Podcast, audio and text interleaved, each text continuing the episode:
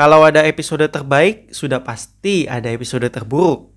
Nah, episode terburuk podcast pendek-pendek musim keempat, menurut saya, adalah episode terburuk podcast pendek-pendek musim ketiga.